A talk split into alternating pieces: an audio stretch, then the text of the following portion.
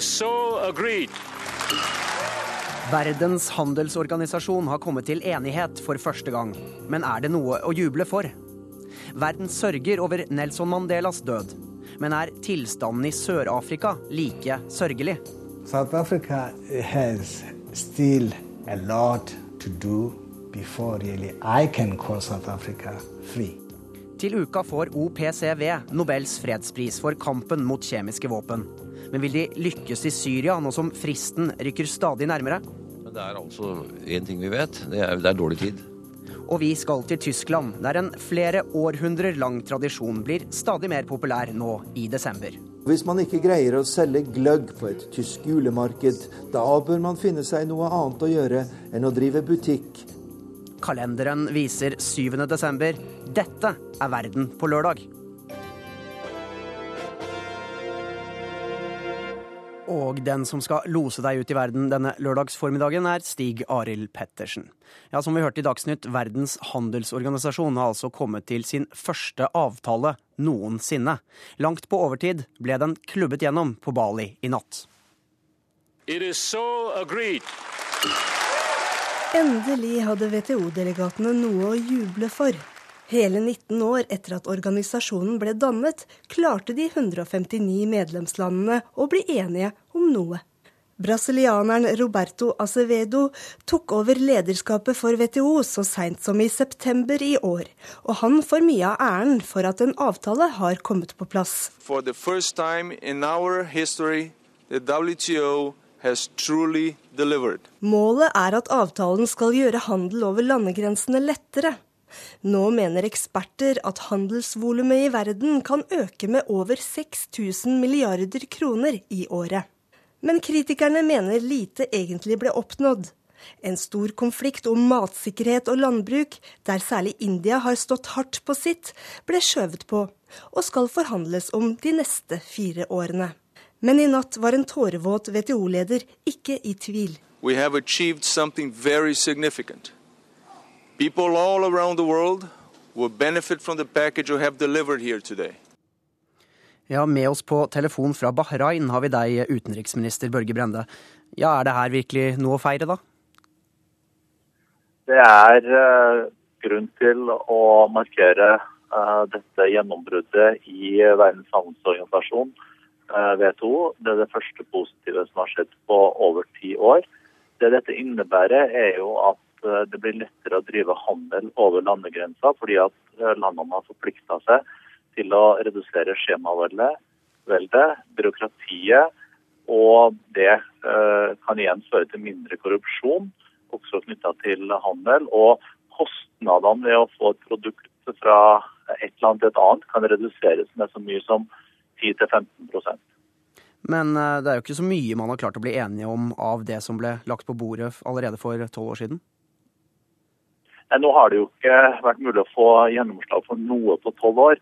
Og at man da nå på Bali har blitt enige om eh, da å bidra til en mye eh, lettere handel over landegrensene, bli kvitt byråkrati, som igjen kan øke den globale verdiskapinga. Et viktig første skritt. Som det også fremgikk av eh, reportasjen, så kan en, denne avtalen bidra til at den globale verdiskapinga øker med opptil 1000 milliarder dollar, altså 5000 milliarder norske kroner. Det kan skape millionervis av nye arbeidsplasser. Og i en situasjon um, hvor man etter finanskrisa i 2008 ikke har fått gjennomslag for viktige tiltak globalt for å skape ny vekst og nye arbeidsplasser, så er dette et viktig første skritt. Det er 159 medlemsland i WTO og det er 19 år siden organisasjonen ble startet, i hvert fall nesten. Hvorfor har det vært så vanskelig å, å få til noen som helst avtaler i denne, i denne organisasjonen, Brende? Altså, Verdens handelsorganisasjon har jo lange uh, tradisjoner. Den siste runden gjennom uh, da denne Doha-runden, oppfølging av GATT-runden, har vært svært kravende. fordi at de store fremvoksende økonomiene, sånn som Kina, India og Brasil, de har insistert på at de fortsatt skal behandles som utviklingsland. Dette har da igjen ført til at vestlige land, med USA i spissen, har vært veldig kritiske. Og De som har vært taperne, er jo u-landene, som da har vært opptatt av at denne runden i eh, da eh, når det gjelder eh, frihandel, skulle komme u-landene til gode. Derfor ble det kalt også utviklingsrunden. Så det jeg håper på, er jo at dette nå kan være starten på en prosess, at man kan komme i havn med denne Dova-utviklingsrunden som starta i 2001, og som kan bli helt avgjørende for også å kunne effektivt drive fattigdomsbekjempelse gjennom vekst i privat sektor, eh, bedrifter og selskaper også i eh, utviklingsland. Så jeg syns at det gjennombruddet vi så på Bali nå, er det mest oppløftende som har skjedd på lenge når det gjelder internasjonal handel. Du nevner eh, konflikten mellom fattige og rike land, eh, Brende. India eh, sin rett til å subsidiere mat til sine millioner på millioner av fattige borgere har jo vært et hett tema. Hvorfor har Europa og USA satt seg på bakbeina i dette spørsmålet? Hvorfor skal de ikke få lov til å gjøre det? Det er ikke slik at man ikke skal få lov til å hjelpe de som er fattige med subsidiert mat. Det striden har gått på, er om man da kan bruke det overskuddslageret som er igjen etter at man har fordelt den maten, til å selge videre. Så det er en ganske teknisk eh, diskusjon. Jeg er sikker på at man vil finne en løsning her. Og det som nå også er verdt å ta med seg, er jo at ikke minst eh, fattige land og mellominntektsland vil eh, da vinne mye på at byråkratiet og skjemaveldet reduserer seg, sånn at prisen for å føre en vare f.eks. fra Sør-Afrika til Mosambik kan falle med 10-15 eh, gjennom denne enigheten om handelsfasilitering. Og Det som har vært også en utfordring, er at dette skjemaveldet og byråkratiet og alle disse bestemmelsene på grensene har også gjort det lett å da for de som ønsker å eh, jobbe for bestikkelser, korrupsjon har vært omfattende. Så jeg mener at dette er et viktig gjennombrudd også for uh, de fattige landene.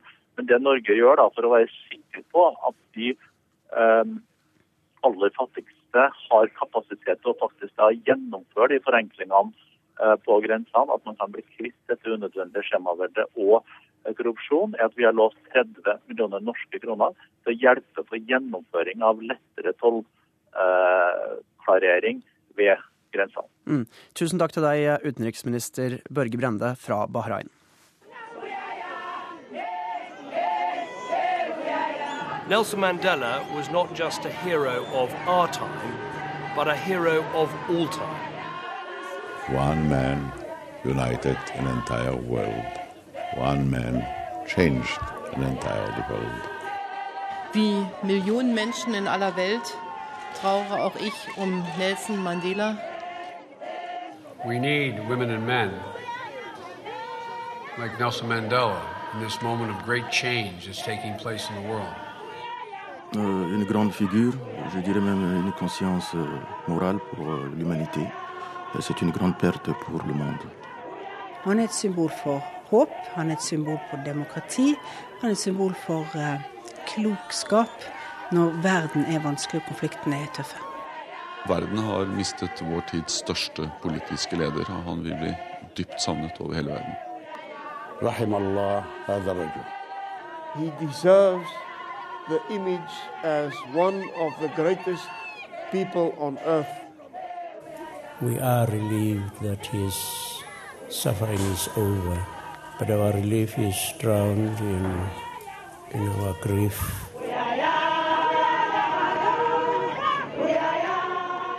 Ja, slik reagerte altså en rekke verdensledere, nå, nåværende og tidligere, på nyheten som de færreste kan ha unngått å få med seg, at Nelson Mandela, mannen som ble symbolet på de svartes kamp mot det hvite rasistregimet i Sør-Afrika, er død etter 95 år på denne jord.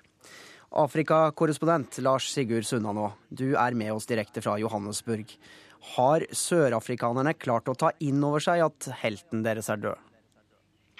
De har jo visst lenge at han var døende. De har hatt måneder på seg til å forberede seg på hans bortgang, for ikke å si et helt år, siden han eh, ble innlagt med en alvorlig lungebetennelse allerede i desember i fjor på sykehus. Så ble han innlagt i vår igjen, også med lungeinfeksjon, og så hadde han jo en svært alvorlig periode på et militærsykehus i Pretoria nå i sommer. Så dette har sørafrikanerne vært forberedt på. Og, og det kommer da overhodet ikke som en overraskelse at han nå har tatt farvel med denne verden. Men Du har jo vært i Sør-Afrika mange ganger tidligere. Er stemningen i landet annerledes nå, vil du si? Nei, livet går videre som eh, normalt, iallfall slik jeg har kunnet registrere det de siste par dagene. Eh, som sagt, sørafrikanerne er realistiske. Og selv om de nå føler et dypt savn etter at han har forlatt dem, så går livet videre som normalt. Men det blir jo nå en uh, uke med mye bønn og refleksjoner. Allerede i morgen er det offisiell bededag, og da kommer kirkene og moskeene her i landet til å være fylt til randen av sørafrikanere som vil hedre Mandelas minne og hylle det livet han har levd. Og så kommer jo da den store minnemarkeringen på et stadion her utenfor Soveto på tirsdag. Eh, det Stadionet er stort. Det ble jo bygget til verdensmesterskapet i fotball i 2010 og kan romme 95 000 mennesker.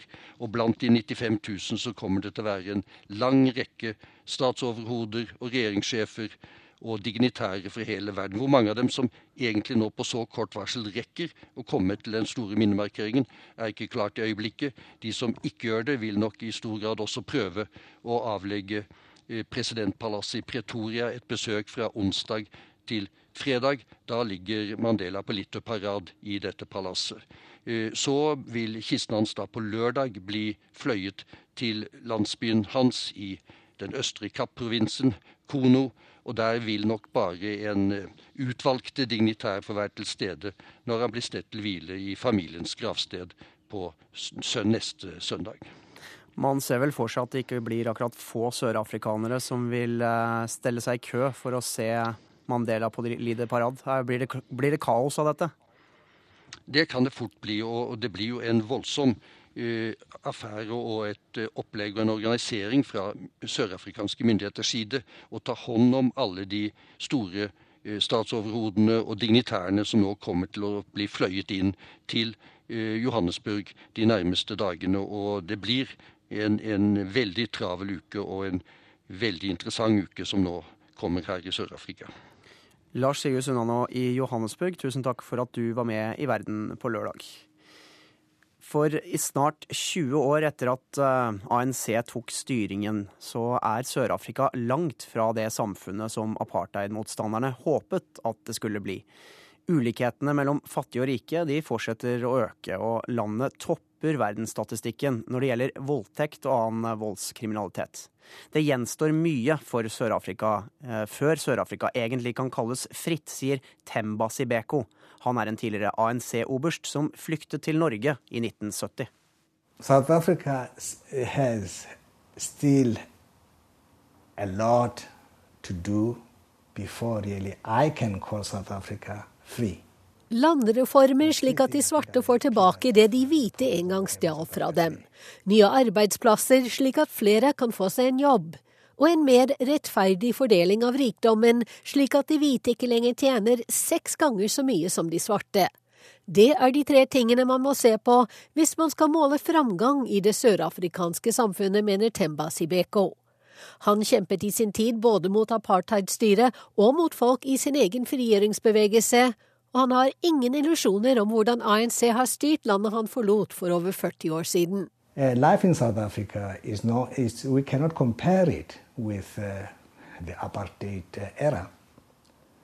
But uh, unfortunately, ANC has not been uh, wise in selecting people who are going to lead ANC. They did not educate people as to what ANC politics is, so much that uh, some people then thought of uh, politics as a way of living, a way of, easy way of getting rich. Partiet ANC har ikke vist klokskap når det har valgt sine ledere. I stedet for å bruke sin politiske makt til å gjennomføre frigjøringsbevegelsens politikk, har lederne bare brukt makten til å berike seg selv. Eliten er korrupt, sier Sebeko noe landsmannen Jay Nadu sier seg enig i. Han kjempet mot apartheid sammen med sin venn Nelson Mandela, og var minister under ham i to perioder. Well, you know, we've moved from being a liberation movement which was a broad church of everyone who was against apartheid, to a political party which has its own agenda. Vi har beveget oss fra en frigjøringsbevegelse til et politisk parti. Og det er en enorm forskjell mellom integriteten til de fryktløse menneskene som sluttet seg til frigjøringsbevegelsen, og grådigheten til dagens politikere, mener Naidu. You know, there was a time in the liberation struggle where it was very dangerous for people to be associated. You got tortured or you got detained, you would be assassinated, you know. So we attracted a lot of people who uh, had people of integrity, who were fearless in fighting for justice. Today, like in any country, why do people join politics? They think it'll give them a way towards becoming richer. Korrupsjon løper løpsk. Millioner av dollar er stjålet fra de aller fattigste. Visjonene til ANC er utvannet. Well, I think it's been diluted, certainly. I mean, you know, if we have a situation where recently I supported a, a coalition that was uh, taking on the challenges in the poorest part of the country called Eastern Cape, where $100 million had been stolen from health, the health department, where babies died because there weren't enough incubators or antibiotics or vaccines. And the government investigated, and it's a province run by the ANC, and found that this money was stolen. Not one person has gone to jail. Også Jay Naidu peker på den høye arbeidsløsheten, 25 som er en av de aller største krisene i dagens Sør-Afrika. Unemployment still remains a huge challenge for us. 25% of our population is unemployed. And that's just people that are looking for work. Now, one of the crises that we are having is that we're not creating enough jobs. And the part of that reason is because our education system is failing to produce young people that have skills. So Han kaller det en tikkende bombe som kan true demokratiet hans generasjon kjempet så hardt for. that creates a potential time bomb for us because if that increases and that the, the jobs are not coming and the economy is not benefiting uh, all the people, then people say start questioning the democracy itself. I am disappointed today that we do not have the leadership that meets the commitments that we made to our people in 1994 and that was enshrined in our constitution and personified by Nelson Mandela. Naidu håper likevel at den neste generasjonen, de som skal avgi sine første stemmer ved valget neste år, kommer til å stille nye krav til sine ledere. I'm hopeful that the next generation will assess who are the leaders are there to serve them and not themselves, and they will make the right choices. For det er en kamp til å kjempe før sørafrikanerne kan kalle seg frie. Ikke i bushen, men i politikken, sier Naidus landsmann Tembo Sibeko. Political fight is not finished yet. Uh, let me put it that way. I say political fight because uh, we have got to use politics to achieve what we want. We are, not, uh, we are no longer going to go to the bush like I did. Reporter her var Wenche Eriksen. Her i studio har jeg fått besøk av to som kan mer enn de fleste av oss om nettopp Sør-Afrika. Jan Spid, du er nettredaktør i Bistandsaktuelt, og du er opprinnelig fra Sør-Afrika. Liv Tørres, generalsekretær i Norsk Folkehjelp, og har lang fartstid fra dette vakre landet på Afrikas sydspiss. Først til deg, Spid. Står det virkelig så ille til i Sør-Afrika som vi får inntrykk av i denne reportasjen? Ja, jeg tror de forholdene som Jane Eyre trekker fram, er, er virkelige, og de er, og de er alvorlige. Eh, Samtidig som det må jo sies at i løpet av de 20 årene som har gått siden man fikk svart flertallsstyre i Sør-Afrika, så er millioner av hus blitt bygget. Det er kommet strøm, det er kommet vann til en del fattige områder. Og eh, du har fått en omforming av utdanningssystemet. Eh, men det som er både dilemma og eh, fordelen nå, er jo at det er faktisk veldig bra at ANC er blitt et politisk parti, og ikke betraktes lenger som en myteomspunnet frigjøringsbevegelse. For jeg tror veldig mange hadde nok høyst urealistiske forventninger til både hva de ville kunne oppnå som statsmakt, men også nok høyst urealistiske forventninger til en del av ledelsen i partiet. Liksom, det var jo en myte skapt om ANC at dette var den store frigjøringsbevegelsen. Og, og det var det aldri. ANC var faktisk en ganske dårlig frigjøringsbevegelse med forholdsvis dårlige apparat på grasrotnivå innad i Sør-Afrika. Og det er jo aldri en lett overgang det der fra frigjøringsbevegelse til, eh, til politisk parti. Nei, det er det heller ikke. Og i Sør-Afrika må man huske at um, i motstandskampen de siste, liksom, de siste to de, uh, tiårene før, før uh, det første frie valget, så var det veldig mye av de interne organisasjonene som sto for motstandskampen. Mm. Og det er der tror jeg noe har gått tapt. Ja, jeg har lyst til å legge til det. Altså, for, for det rare er jo at mange tror liksom at det var ANC som sto i, i spissen for, for frigjøringskampen. Folk, folk identifiserte seg med ANC. Men ANC som organisasjon var jo i eksil, var spredd rundt på eh, en rekke land. Det var til dels en militærbevegelse, og så var det folk som satt på kontorer i London og Lusaka osv. Den, altså den interne kampen, ledet av fagbevegelsen, kirkeorganisasjoner, eh, sivilsamfunnsorganisasjoner, det var jo virkelig altså den bevegelsen som felte apartheidregimet. Og Jay, som vi hørte i tidligere innslaget her, var generalsekretær i den fagbevegelsen som sto i spissen for den interne kampen. Det var sterke, organiserte krefter med gode ledere som hadde forhandlingsegenskaper, lederevner osv. Og, så og paradokset er jo litt at når vi fikk overgangen i 94 og ANC kom til makten, så var det disse eksilpersonene som kom inn i maktposisjoner til dels de som kom fra fengsel, eh, som Nelson Mandela, mens de interne lederne og organisasjonene trakk seg litt tilbake og stolte på at ANC skulle gjøre jobben. Noe de ikke gjorde så godt som man kunne ha forventet og håpet.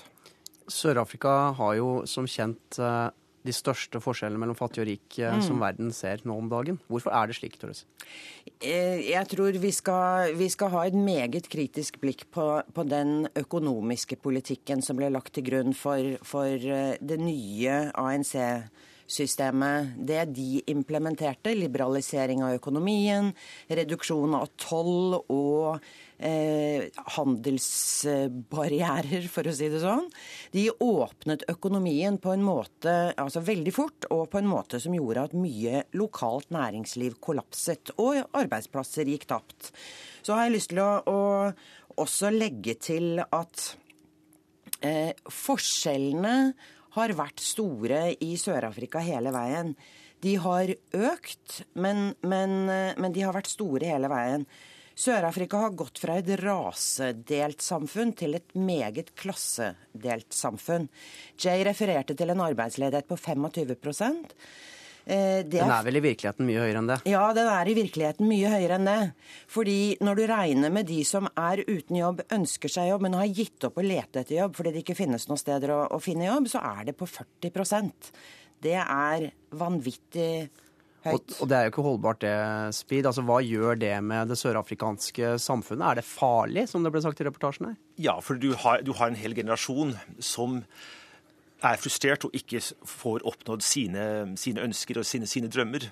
Uh, og jeg tror at mye av, av dilemmaet i, i Sør-Afrika i dag er at når ANC overtok makten, så hadde man stor fokus på sentralmakten, på det som skulle skje fra hovedstaden Pretoria, og veldig lite fokus på lokalmiljøene, på egentlig liksom det som skjer helt nede på, på byråds- eller mm. bynivå. Og, og, de ble veldig fort svekket. Og veldig mye av korrupsjonen med ANC har skjedd på de områdene. Ja, jeg har lyst til å trekke det litt tilbake til, til, Nelson Mandela og noe av det Jay sa innledningsvis her. fordi at det er ja, store utfordringer, og samtidig så er det grunn til litt optimisme her også.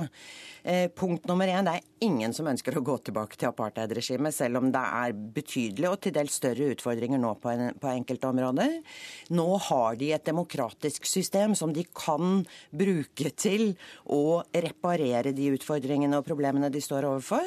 Så er det stadig oftere nå referanse til det Mandela sa, gjorde, som referansepunkt for krav til dagens ledere. Men det er mye retorikk. Vi snakker om et demokratisk system dominert ja. av ett parti, mm. hvor det er gjennomsyret av korrupsjon, kan man vel si. Ja, og samtidig, altså lyspunktene tenker jeg ligger i at nå er det økt fokus på å organisere folk, bygge opp sterke organisasjoner igjen.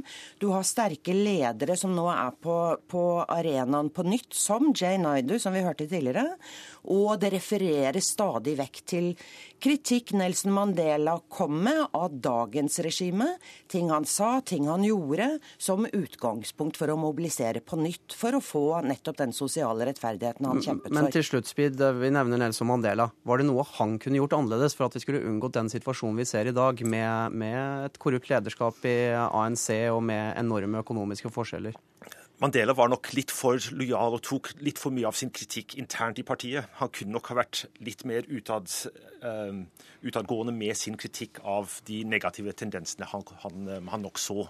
Men han ble også det etter hvert. Altså. Han kritiserte dagens ledere for undergraving av demokrati internt i ANC.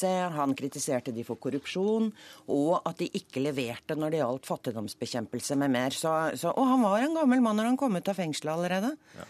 Så vi skal ha litt aksept for det òg. Tusen takk til dere, Jan Spid og Liv Tørres.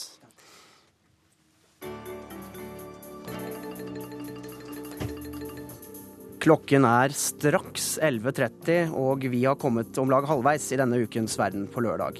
Bli med videre, så får du høre at britene får kjeft for å ville nekte bulgarere og rumenere rett til én av EUs fire grunnleggende rettigheter, fri ferdsel over landegrensene. You want the four or you want none. Og uh, ukens korrespondentbrev gir deg som lytter et innblikk i katastrofejournalistens egne følelser og opplevelser. Bildene har satt seg fast. Hver eneste morgen de siste ukene våkner jeg av at filmen inni hodet feider ut. Scener fra Takloban, Filippinene, etter den tropiske syklonens herjinger. Men eh, først. På mandag så mottar Organisasjonen for forbud mot kjemiske våpen, OPCW, Nobels fredspris for 2013. Prisen skal generaldirektør Ahmed Usumshu motta under seremonien i Oslo rådhus for OPCWs langvarige arbeid for avskaffelsen av kjemiske våpen rundt om i verden. Samtidig så står OPCW midt oppi det vanskeligste oppdraget i organisasjonens historie, nemlig å avvæpne Syria for sitt kjemiske arsenal. Før 1.1 så skal kjemikaliene fra våpnene fraktes til en havneby i Syria og lastes om bord på sannsynligvis et norsk skip. Men en tidligere norsk våpeninspektør tror dette kan bli svært vanskelig å gjennomføre, og legger skylden på fredsprisvinnerens egne rigide regler. Det vi ser spesielt her, det er veldig sensitive problemstilling fra 2003, hvor vi hadde 155 mm sennepsgassgranater som skulle destrueres. Jørn Siljeholm viser oss bilder fra Irak. Bilder han aldri har vist til media tidligere. Og her bare borer man hull i disse artillerigranatene i ørkenen fortsetter fra bordet. Vi har da et veldig enkelt system her. Vi har egentlig rustne fat som har, inneholder et oksidasjonsmiddel, hypokloritt eller hydrogenperoksid, sammen med kaustiksoda. Heller dette materialet ned i disse fatene. Da blir det en såkalt hydrolyse, destruksjon. Og det man gjør etterpå, er å tenne på hele greia. De stammer fra tiden hans som våpeninspektør i Irak i 2002 og 2003. Den gang var det bare noen få kjemiske våpen igjen i Saddams arsenal. Over 80% hadde de nemlig ødelagt allerede tidlig på 90-tallet. Da gjorde de det slik, forteller Silje Holm. I veldig stor grad ble det gjort på en veldig primitiv såkalt fast and dirty-metode. Man uh, lagde ofte store hull i ørkenen og uh, tente på materialer etter at man hadde, hadde, sikret at disse tingene ikke kunne eksplodere. Og da har man for så vidt illustrasjon fra disse bildene her i mye mindre skala, hvor vi har da å gjøre med 150 millimeters eh. Eh, hvor vi boret hull i de og eh, sørget for at det som var innhold, havnet ned i et rustent fat med oksidasjonsmiddel og kaustikk soda, og sånn sett ble destruert eller hydrolysert. Og dernest så tente vi på. Men i 1997 trådte kjemivåpenkonvensjonen i kraft, og den satte en stopper for den metoden Siljeholm og hans medarbeidere hadde benyttet i stor skala på 90-tallet. Nå skal destruksjonen skje etter strenge sikkerhets- og miljøkrav, krav som OPCW mener ikke kan innfris på bakken i Syria. Ja, OPCWs regelverk er forholdsvis rigid. Og det var ikke laget for en, et land i krig. Det var meningen at man skulle kunne gjøre dette her en, etter invitasjon, og sånn sett på en riktig og altså passe hensiktsmessig måte, hvor man tok hensyn til logistikk, tid og sånne ting. Vel, vi har en helt annen situasjon i Syria. Nå er vi i en krig. Det er en helt annerledes situasjon enn det regelverket egentlig er laget for. Vi har å gjøre med en konflikt i Syria som er den direkte beveggrunnen for at man ikke får til noe akkurat nå. Vi stats, vi, altså I henhold til rimelig informasjon der ute, så er det ca. 80% av materialet som er ødelagt. Og kjemikaliene i all hovedsak er nå tilrettelagt for transport. Og det er transportetappen fra der stridsmidlene nå befinner seg, til kysten av Syria, der de vil bli lastet om bord i et norsk skip, Siljeholm er bekymret for. Han mener den kaotiske krigssituasjonen vil forsinke arbeidet, som dermed ikke vil bli gjennomført innen tidsfristen FNs sikkerhetsråd har satt, innen årsskiftet. Ja, det er en god sjanse for det. Det er, det er, kort tid, eh, og man har ikke kommet i mål. Og OPCW selv er jo klar over at de er eh, under eh, sterkt press, og setter jo spørsmålstegn nettopp ved tidsbegrensningen. De siste ukene har det vært svært harde kamper langs veien fra Damaskus til Homs, en vei som etter planen skal benyttes av syriske myndigheter for å frakte kjemikaliene til havnebyen Latakia. Dermed kan man ende i en situasjon der kjemikaliene ikke kommer seg ut av landet, og Sikkerhetsrådet kan ende opp med å be OPCW bryte sin egen konvensjon og ødelegge dem lokalt, mener Silje Holm. Altså, dilemmaet har jo vært at eh, OPCW har vært særdeles vellykket i forhold til tidligere destruksjonsprogrammer. Nå er vi i en krig. Det er en helt annerledes situasjon enn det regelverket egentlig er laget for. Det er Sikkerhetsrådet som er sjef. Og i den sammenheng der så kan jeg godt se for meg at Sikkerhetsrådet bestemmer seg for at man skal gjøre ting nær sagt uansett, om, dersom man ikke får altså, transportert det ut. Og I den sammenheng der så finnes det da en del fleksible løsninger, som selvfølgelig ikke er teknisk sett det riktige i henhold til regelverket for OPCW, men på den annen side kan være vellykket. Det er ikke en riktig metode dersom du ønsker å gjøre det på en slik måte at du får minst mulig forurensning, at du har mest mulig under kontroll. Men på den annen side så er det et spørsmål om hvordan man skal gjøre det hvis man er nødt til å gjøre det. Og det jeg sier er at det fins en slags fallback, det fins en mulighet for å gjøre ting ikke så ulikt det man gjorde i gamle dager. OPCW selv innrømmer at de neste dagene og ukene vil bli veldig utfordrende, særlig transporten over land.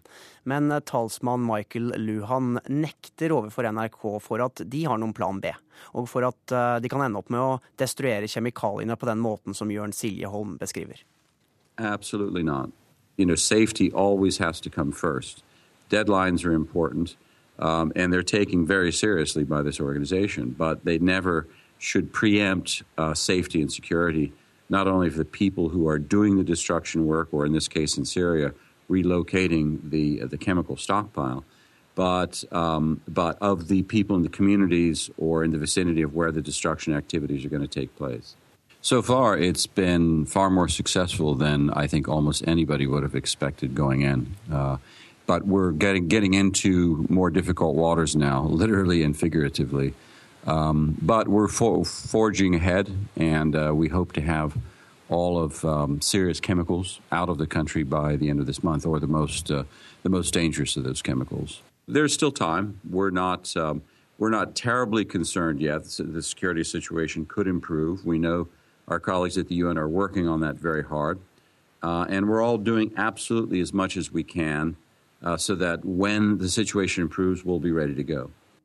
Selve destruksjonen av kjemikaliene fra Syria er det det amerikanske marineskipet Cape Ray som skal stå for, i internasjonalt farvann i Middelhavet.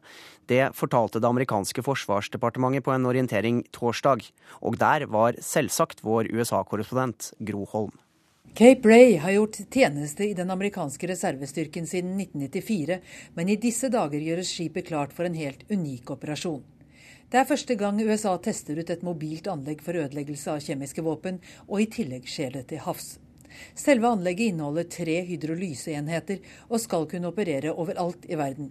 I tillegg til hydrolysesystemet omfatter det aggregater som leverer strøm, et laboratorium og avfallskonteinere. En sentral tjenestemann i det amerikanske forsvarsdepartementet kunne fortelle at Cape Ray vil være klar til å seile i januar. For øyeblikket ligger det ved Portsmouth i delstaten Virginia. Omlastingen fra det norske transportskipet som nå er på vei til den syriske havnebyen Latakia, vil ikke skje i åpen sjø, men ved en havn i et land som ennå ikke er offentliggjort, fordi Organisasjonen for forbund mot kjemiske våpen, OPCV, ikke har fått et endelig ja. Meningen er at våpnene skal være ute av Syria før 1.1, pakket og lastet i rundt 150 konteinere.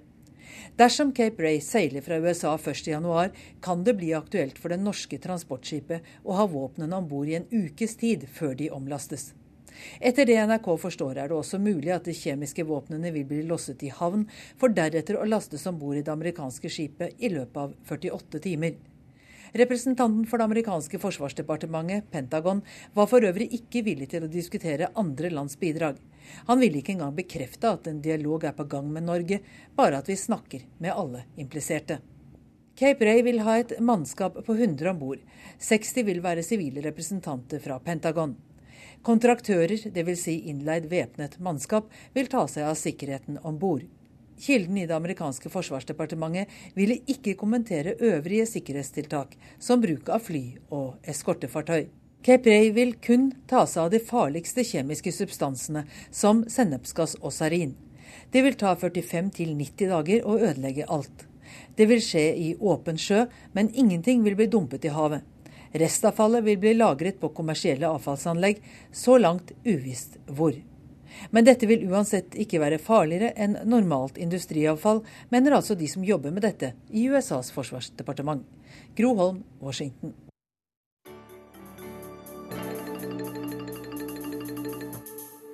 Britene frykter for masseinnvandring når rumenere og bulgarere fra nyttår får de samme rettighetene som andre EU-borgere til å søke arbeid der de vil. Denne uken dro innenriksministeren til Brussel for å kreve at reglene om fri bevegelse over grensene i EU må endres. Det møtte sterk motstand i unionen. It is a right for goods, for services, for capital and for human beings, and it is not up to discussion. Retten til fri flyt av varer, tjenester, kapital og mennesker er ikke oppe til diskusjon. Det slår EU-kommissær Vivian Redding fast. Hun er imot det hun kaller et angrep på EUs grunnpilar, de fire friheter. You want the four, or you want none? Vil du ha alle fire eller ingen, spør hun. Storbritannias statsminister vil helst bare ha tre. People moving to countries for a job is one thing, but I'm not in favor of people moving to be able to claim benefits. En sak er de som flytter til et land for å jobbe, men jeg støtter ikke dem som kommer for å kreve velferdsgoder, sier David Cameron. Han mener dette ikke handler om toleranse og åpenhet. Britain is one of the most open, one of the most generous, one of the most tolerant countries anywhere in the world, and to suggest otherwise is quite wrong. Bulgarere og rumenere har siden de ble medlem i EU kunnet reise fritt, men de har ikke kunnet søke jobb eller hatt krav på trygdeordninger som andre. Flere land innførte midlertidige restriksjoner som går ut ved nyttår. Men den britiske regjeringen frykter konsekvensene. I forrige uke skrev Cameron et innlegg i avisa Financial Times der han mente at nye restriksjoner må innføres for å hindre masseflukt fra de fattigste til de rikeste EU-landene. There are some issues around free movement, and we need to change the way free movement operates within the European Union. Og den britiske innenriksministeren fulgte dette opp i Brussel torsdag, da hun sa at regelendring må til, først og fremst for de nyeste medlemmene. I think we need to be able to slow full access to free movement until we can be sure that mass migration is not going to take place. That, for example, could be by requiring new member states to reach a certain level of income or economic output per head. Jeg tror vi må slakke på tempoet inntil de nye landene har oppnådd et visst økonomisk nivå, mente Teresa May. Hun sier de er spesielt bekymret for økende press på helsetjenester og lokale velferdstilbud dersom ikke noe gjøres. Men i Bulgarias hovedstad Sofia mener folk på gata at det ikke er grunn til bekymring. Jeg tror bulgarere flest søker etter jobb, de drar ikke for å snylte på staten, sier en.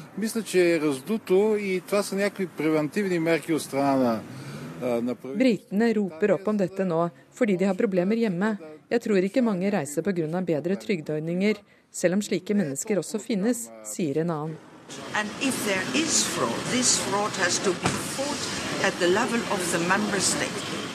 Hvis det er svindel de er redd for, må de bekjempe det der det hører hjemme, i landet, sier Vivian Redding, som mener frykt for misbruk av trygdeordninger ikke er noe argument for å hindre fri ferdsel. Britene sier Tyskland, Nederland og Østerrike deler bekymringene deres, og at de håper på støtte for nye restriksjoner. De ønsker bl.a. å kunne slippe å betale arbeidstrygd til de nyeste EU-borgerne de første tre månedene de er i landet, og krever bevis for at de er der for å søke jobb. Det vil også innebære at de som kommer, må kunne snakke engelsk. David Cameron mener de har god dekning for å frykte at massene kommer hvis de ikke gjør noe, dette sa han i det britiske parlamentet. They predicted 14,000 Polish people would arrive to work in Britain. In the event, the number was over 700,000. It was a shameful dereliction of duty. 14 000 polakker regnet de med skulle komme og jobbe i 2004, men det kom 700 000. Men for den konservative regjeringen er det ikke bare trygdepenger som står på spill. De risikerer også å miste stemmer til det EU-skeptiske Uavhengighetspartiet ved det kommende valget til nytt EU-parlament neste vår. Hvis de taper saken. Åse Marit Befring, Brussel. Vi skal til Tyskland, og det skal handle om de Nei, det skal ikke handle om denne gangen da, de store europeiske spørsmålene, som det ofte gjør, men uh, om julefeiring. For nå i adventstiden så preges byer og småsteder over hele Tyskland av en flere hundre år gammel tradisjon, som også vi nordmenn i større grad setter pris på, nemlig julemarkedene. Vår reporter i Berlin, Arnt Stefansen, har besøkt et av dem og sendt oss eh, denne reportasjen fra jungelen av gløgg og ribbefett.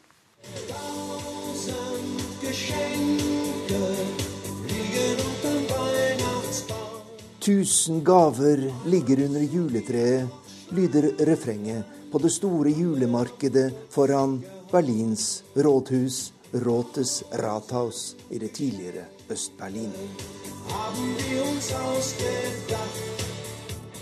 Det er en sur og kald desemberdag der værgudene ikke gir noen drahjelp til julestemningen. Likevel er det masse folk og god stemning langs de mer enn 100 salgsbodene på markedet. For her i Berlin og over hele Tyskland er det én ting som er sikkert nå i årets siste måned. På julemarked skal man bare. Det er doch wunderschön, so ein Weihnachtsmarkt. Gemütlich. Wenn das Wetter besser wäre, noch besser. Jeg synes det er vidunderlig at vi har slike julemarkeder, sier den 73 år gamle Monica Winther fra det østlige Berlin. Det hadde vært enda hyggeligere hvis været hadde vært bedre, men jeg koser meg, og akkurat dette er jo et marked med lange tradisjoner og mye atmosfære, sier hun.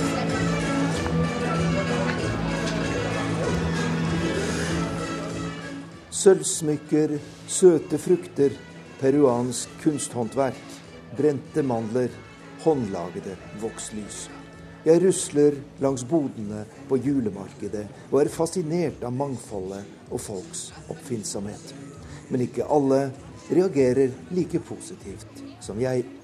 Noen mener det er blitt altfor mye handel og vandel, og frykter at julens budskap skal drukne helt på de tyske julemarkedene. Das wäre nicht so schön. Wir bedauern das manchmal. Ja, wenn zu viel Kommerz ist. Jeg synes det vil være trist og beklagelig hvis det kommersielle tar helt overhånd, sier Helga Weidlitz fra det tidligere DDR. Under kommunismen ble kristendommen motarbeidet av regimet, og det var tungt for oss som var kristne og gikk i kirken. Men nå i dag ser vi at penger og materialisme er en like stor trussel mot religionen, og nettopp nå i adventstiden mener jeg man må si fra når mange synes å ha glemt selve årsaken til at vi feirer denne høytiden, sier hun.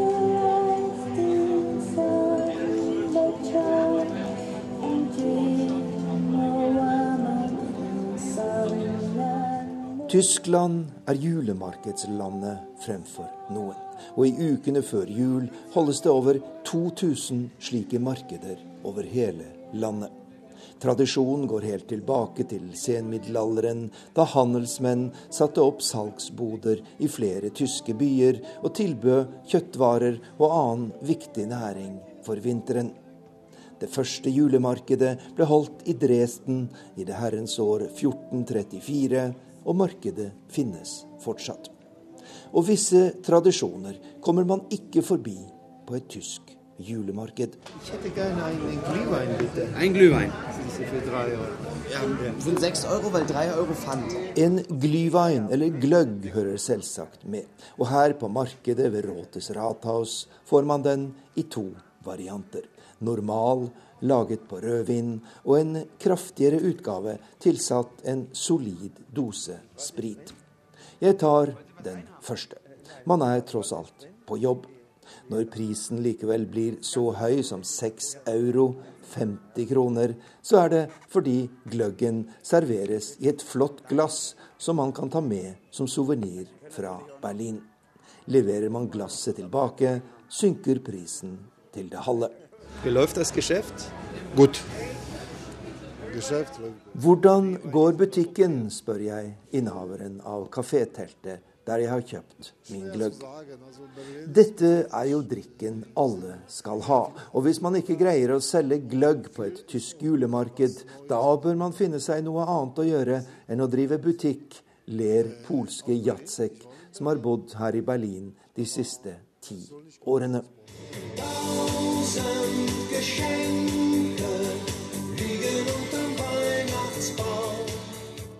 Det er vinterens vakreste eventyr her i Berlin og ellers i Tyskland.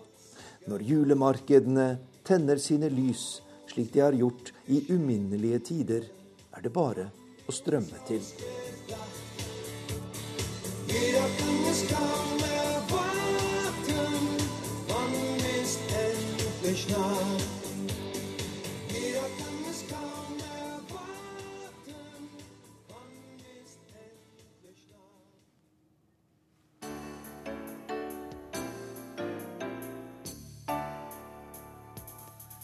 Denne ukens korrespondentbrev forteller historien om hvilke inntrykk og følelser som skapes hos en journalist som stadig må dekke katastrofer og menneskelige lidelser. Det er skrevet på Filippinene og signert Anders Magnus. Bildene har satt seg fast. Hver eneste morgen de siste ukene våkner jeg av at filmen inni hodet feider ut. Scener fra Tacloban, Filippinene, etter den tropiske syklonens herjinger. Særlig er det bildene fra broen over elven som vender tilbake. På den ene siden de døde grisene som flyter i vannet sammen med alt skrotet. På den andre siden av broen ser du ikke elven fordi den er fylt med pinneved fra sammenraste hus som flodbølgen røsket over ende i et langt, brølende sveip. Under plankene ligger likene av dem som bodde i husene. Vi ser dem ikke, men lukter at de råtner eller turen til bydelen Baras, like innenfor sjøkanten.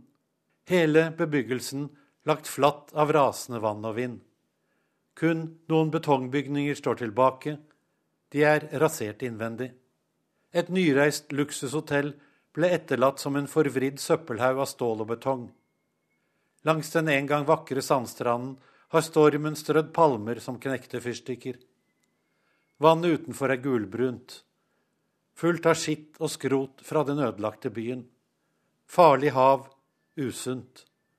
Noen steder ligger døde kropper og dupper i vannskorpen. Langs veiene rekkene av likposer. Store for voksne, små for barna. Ingen har tid til å frakte dem vekk. De få lastebilene har nok med å kjøre mat ut til de levende. Ved siden av sulten ligger sorgen. Gamlemor som ikke klarte mer, og måtte gi slipp på det hun holdt fast i da bølgen kom. Sterke menn ble skyllet til havs og forsvant. Den vesle ungen mamma glapp tak i da det frådende vannet fikk overtaket. Hjerteskjærende. Et lite skur er spikret opp mellom skrothaugene av stokker og rusten bølgeblikk. Åtte mennesker deler natten her. De er heldige. Har tak over hodet når det tropiske regnværet slipper sine tordenskurer over de hjemløse. Mange forsøker å finne ly under en plankehaug eller noen løse plater. Familien i skuret har doblet seg siden katastrofen. Slektninger har tatt bussturen fra hovedstaden Manila. Fire døgn på dårlig vei. De er livlinen. Hadde med seg en 50 kilo sekk ris i bussen. Den de lever av nå. Små rasjoner fra nødhjelpen er for lengst spist opp. Fra skurets sofa, en planke spikret opp mellom to trekubber, forteller de om slektninger som forsvant. Barn, voksne. Gråt. Det skjærer i hjertet. Sola hamrer mot bølgeblikket på taket. Noen av damene tar en klut for å tørke svetten over pannen, tårene i øynene. Så et skjevt lite smil. De overlevde, de fleste. De har fått hjelp, de har mat, tak over hodet. De er takknemlige. Ved siden av det nybygde skuret står nakne betongvegger igjen av det som før stormen var kirken i denne bydelen. Her samlet de seg for å be og søke Guds beskyttelse mot stormen. Til ingen nytte. Ingen gud holdt sin hånd over dem, og det vesle gudshuset ble smadret. Menighetens medlemmer kastet ut i de frådende bølgene. De sier, Gud har lært oss å frykte naturen. De svikter ikke sin tro på Herren, selv om Han syntes å ha forlatt alt og alle da stormen kastet seg over dem i et djevelsk ragnarok. Lenger borte har noen funnet vann i veikanten, koblet seg til en kommunal vannledning ved hjelp av en plastslange. Ingen kran, vannet bare strømmer ut.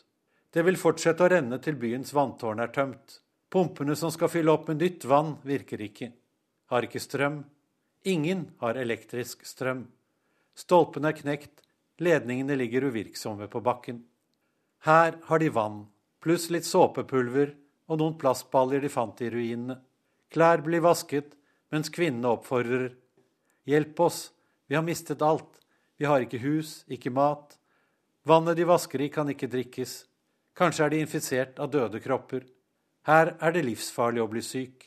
De mangler medisiner, de mangler rent vann. Sykehuset er ødelagt. Så smiler de, damene som vasker tøy, ler og spør hvor vi kommer fra. De er glade for å leve, takknemlige. Inne i byen overlever de med galgenhumor. I et gatekryss ligger en bil på ryggen med hjulene i været. Parkering forbudt, står det på et skilt noen har satt foran vraket. Et annet sted står en flott firehjulstrekker på høykant, klistret opp mot inngangen til et hus. Han som bor her, ønsket seg alltid en bil. Hver dag ba han til Gud om ikke Herren kunne skjenke ham en. Min venn Ronny har smilet på lur i øynene når han forteller historien. Og Herren bønnhørte ham. Ronny ler. Dette forteller oss at vi må være nøyaktige og spesifikke i våre bønner. Man burde jo ha fortalt Gud hvordan han ville ha bilen levert. Ronny ler av sin egen vits. Vi ler med. Latteren og smilet er ventiler på elendighetens trykkoker. Selv pleier jeg bare å be Gud om å hjelpe meg å være snill, sier Ronny. Hvis du hjelper folk i dag, hjelper de deg i morgen når du trenger det. Så enkelt er det. Ronny har et hus som fortsatt står. Han har bil. En nabo har et lite lager med diesel. Fra kjentfolk andre steder har han fått inn matvarer, ris, kjeks, olje til matlaging. Hver dag kjører han av gårde med rasjoner til folk som ikke har noen ting. Hver natt vokter han og naboene bilen, drivstoffet, matlageret. Væpnede ransmenn har herjet og plyndret hus og hjem hvor det fortsatt er verdier. Om natten skal jeg gjennom byen fram til stedet der Associated Press har plassert sin satellittisk, og jeg kan snakke til seerne på Dagsrevyen. Norge ligger sju timer bak oss. Nå er det langt på natt her. Myndighetene i Takloban har innført portforbud etter klokken åtte om kvelden, fram til seks om morgenen, for å beskytte byen mot ransmenn og plyndrere. I denne tiden har ingen lov til å bevege seg utendørs. Gjør de det, kan de bli skutt av politi eller militærpatruljer. Jeg spør politiet om å få følge gjennom portforbudssonen. De tildeler meg to småvokste unge menn i kamuflasjeuniformer og automatvåpen som er nesten like lange som dem selv. Vi klatrer gjennom hauger med skrot og søppel. Jeg i tjukke støvler, for å beskytte meg mot spiker og spisse gjenstander som stikker ut av avfallet. De to tungt bevæpnede har bare åpne plastsandaler, flipflops, på føttene, som de fleste andre her. Byen er helt svart, mørklagt, ingen strøm, ingen lys. Noen steder går politisoldatene bort til ruinene langs veien for å sjekke og snakke med dem som bor der, og for å kontrollere at det ikke er uvedkommende som har tatt seg inn for å stjele det vesle som måtte være igjen. I Takloban er folk glade for å se soldater i gatene. Litt mer trygghet har kommet til byen etter at stormen skapte fullstendig kaos og anarki. Noen stjeler fortsatt. Mange er også som Ronny. Bruker det de har av kontakter og ressurser, til å hjelpe andre. Han tenker framover. Hva kan vi lære av katastrofen? Hvordan forholde seg til naturen framover. Én ting er sikkert. Takloban og resten av Filippinene vil regelmessig bli utsatt for tropiske sykloner i tiden framover. Kanskje verre enn denne. Global oppvarming øker kraften i naturens raseri. Vi må tenke helt nytt, bygge opp igjen husene på en annen måte, kanskje andre steder, legge strømkablene i jorda så ikke mastene knekker og kablene faller ned igjen ved neste storm. Vi må føye oss etter naturen ikke forsøk å bekjempe den, sier Ronny. Jeg håper han får det til, han og andre. Bygge opp igjen på nytt, på en ny måte. Så drar vi. Etter hvert reiser alle journalistene hjem. Det er vanskelig å si farvel til Takloban og folkene der. Følelsen av å la dem i stikken. Ønsket om heller å kunne brette opp ermene, være med på å spa vekk møkka og bygge nytt. Men jeg skal videre. Til nye oppdrag, nye katastrofer. Jeg vet bare jeg må tilbake til Takloban. Du har hørt Verden på lørdag, som går i kortversjon her i P2 klokken 16.40. Og hele sendingen finnes på radio nrk.no. Få også med deg Søndagsrevyen på NRK1 i morgen, der kollegaer Jan Espen Kruse og Mohammed al-Ayubi blir med menneskesmuglere på veien fra Asia til Europa. Teknisk ansvarlig i dag, Hanne Lunås. Skript Oda Holm Gulbrandsen. I studio var det meg, Stig Arild Pettersen.